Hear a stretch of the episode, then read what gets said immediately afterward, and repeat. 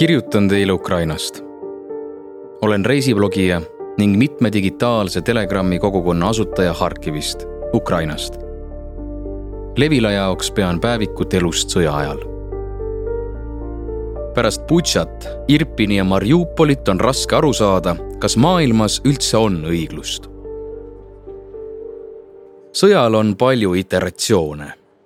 ta koosneb mitmetest rinnetest eeskätt muidugi sõjalistest, aga veel näiteks vabatahtlike liikumisest ning praegusel ajal ka meediarindest. tagasi vaadates meenutan, milline tohutu infovoog mühises sõja esimestel päevadel. teavet tuli igalt poolt ja ühekorraga, kuid kõige populaarsemaks uudisteallikaks kujunes Igor Latšenkovi Telegrami kanal Latšenbõže. meie jutuajamine Igoriga on katse mõista, missugune vastutuse koorem, moraalne ja psühholoogiline langes kahekümne kolme aastase noormehe õlule ning kui raske on seista juba üle poole aasta Ukraina meediarinde eesliinil. enne sõda tegeles Igor oma kodulinnas Dnipros Telegrami kanalite ja meediaarendustega ning paralleelselt monitooris uudiseid, kuna sõjatemaatika on viimastel aastatel püsinud Ukraina ühiskonnas nähtamatu leitmotiivina. tänavu jaanuaris käivitas Igor kanali Latšin Põže kus avaldas majandus- ja poliitikaalaseid uudiseid. kahekümne neljanda veebruari öösel jälgis Igor olukorda ning teatas ühena esimestest, kui mitte esimesena, et algas sõda. tookord valdasid Igorit segased tunded. esiotsa lootis ta, et see kõik on mastaapne provokatsioon. ent kui ta kuulis plahvatusi Dnipros, sai talle selgeks, et see pole kindlasti mitte provokatsioon, vaid täieulatuslik sõda teadmatus, mis saab edasi, tekitas hirmu. ja nagu paljudel ukrainlastel ei olnud ka Igoril kriisikott pakitud. ilmselt sellepärast, et pigem oodati olukorra eskaleerumist Donetski ja Luhanski oblastis.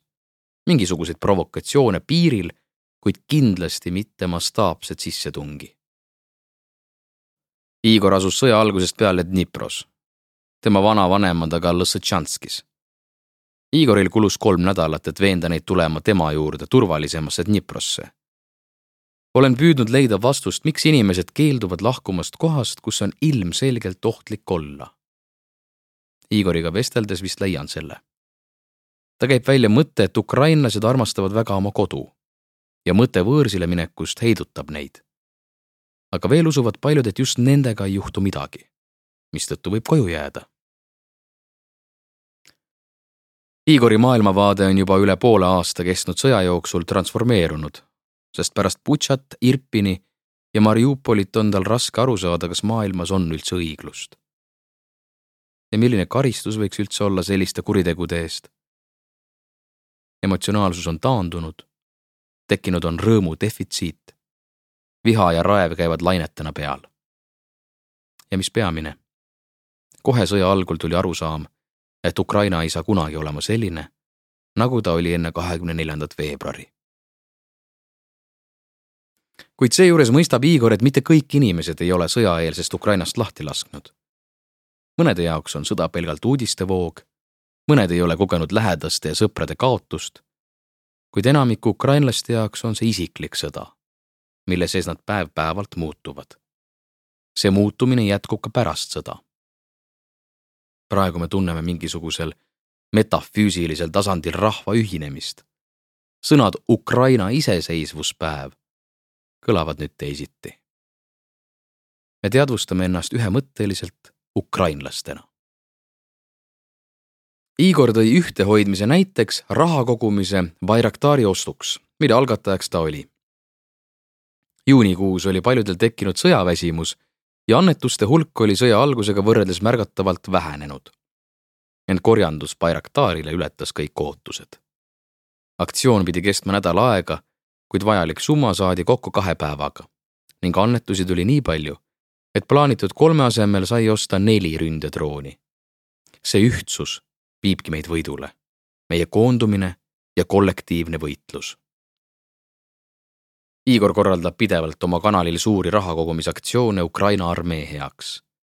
kuid ütleb, et olulised on kõik korjandused, nii suured kui väikesed. suuri korjandusi teeb ta Telegramis, teiste inimeste aktsioone toetab ta oma lehel Instagramis. Igori Telegram ja Instagram omavad meediaväljal tugevat mõju ning mulle näib, et inimesed kipuvad mõnikord unustama, et kõige selle taga seisab elav inimene oma emotsioonidega ja sõda ei jäta puudutamata tedagi. avalikus ruumis võib kohata erinevaid teooriaid teemal, et annetused lähevad kellegi tasku ja kaitsevägi ei saa midagi. mis on muidugi täielik absurd. selliste teooriate õhkupaiskajad ei tule ilmselt selle pealegi, et teisel pool kuvarit olev inimene võib samuti hirmu tunda. Igori jaoks oli sõja kõige hirmsam hetk rünnak Enerhodarile, Zaporižia tuumaelektrijaamale ta vaatas öösel videot sellest, kuidas soomustransportöörist tulistati energiaplokki ning tundis tohutut õudu. tuumajaam asub juba Dniprole päris lähedal.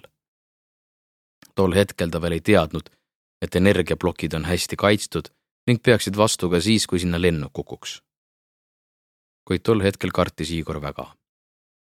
ta vaatas Vene sõdureid nagu granaadiga ahve, kes ei teadvusta oma tegude tagajärgi õudne mõelda, mis oleks juhtunud, kui energiaplokid ei oleks kindlalt kaitstud.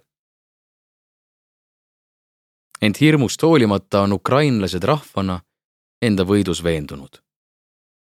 arvatavasti ei ole me midagi oma elus nii väga ihanud kui selle sõja võitmist. me teeme hoolega plaane oma sõjajärgseks eluks. me ei tea, millal võit tuleb, kuid teame, et see tuleb me võime küll erinevalt aru saada sellest, mis on võit. mõnede meelest on see naasmine kahekümne neljanda veebruari eelsesse seisu ja mõnede meelest tuleb taastada need piirid, mis olid enne kahe tuhande neljateistkümnendat aastat.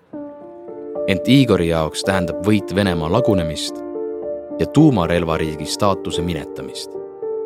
sest granaadikaahvist hullem saab olla vaid tuumapommikaahv. ja mulle tundub, et seitsmendal sõjakuul jagab Igori seisukohta juba päris palju inimesi.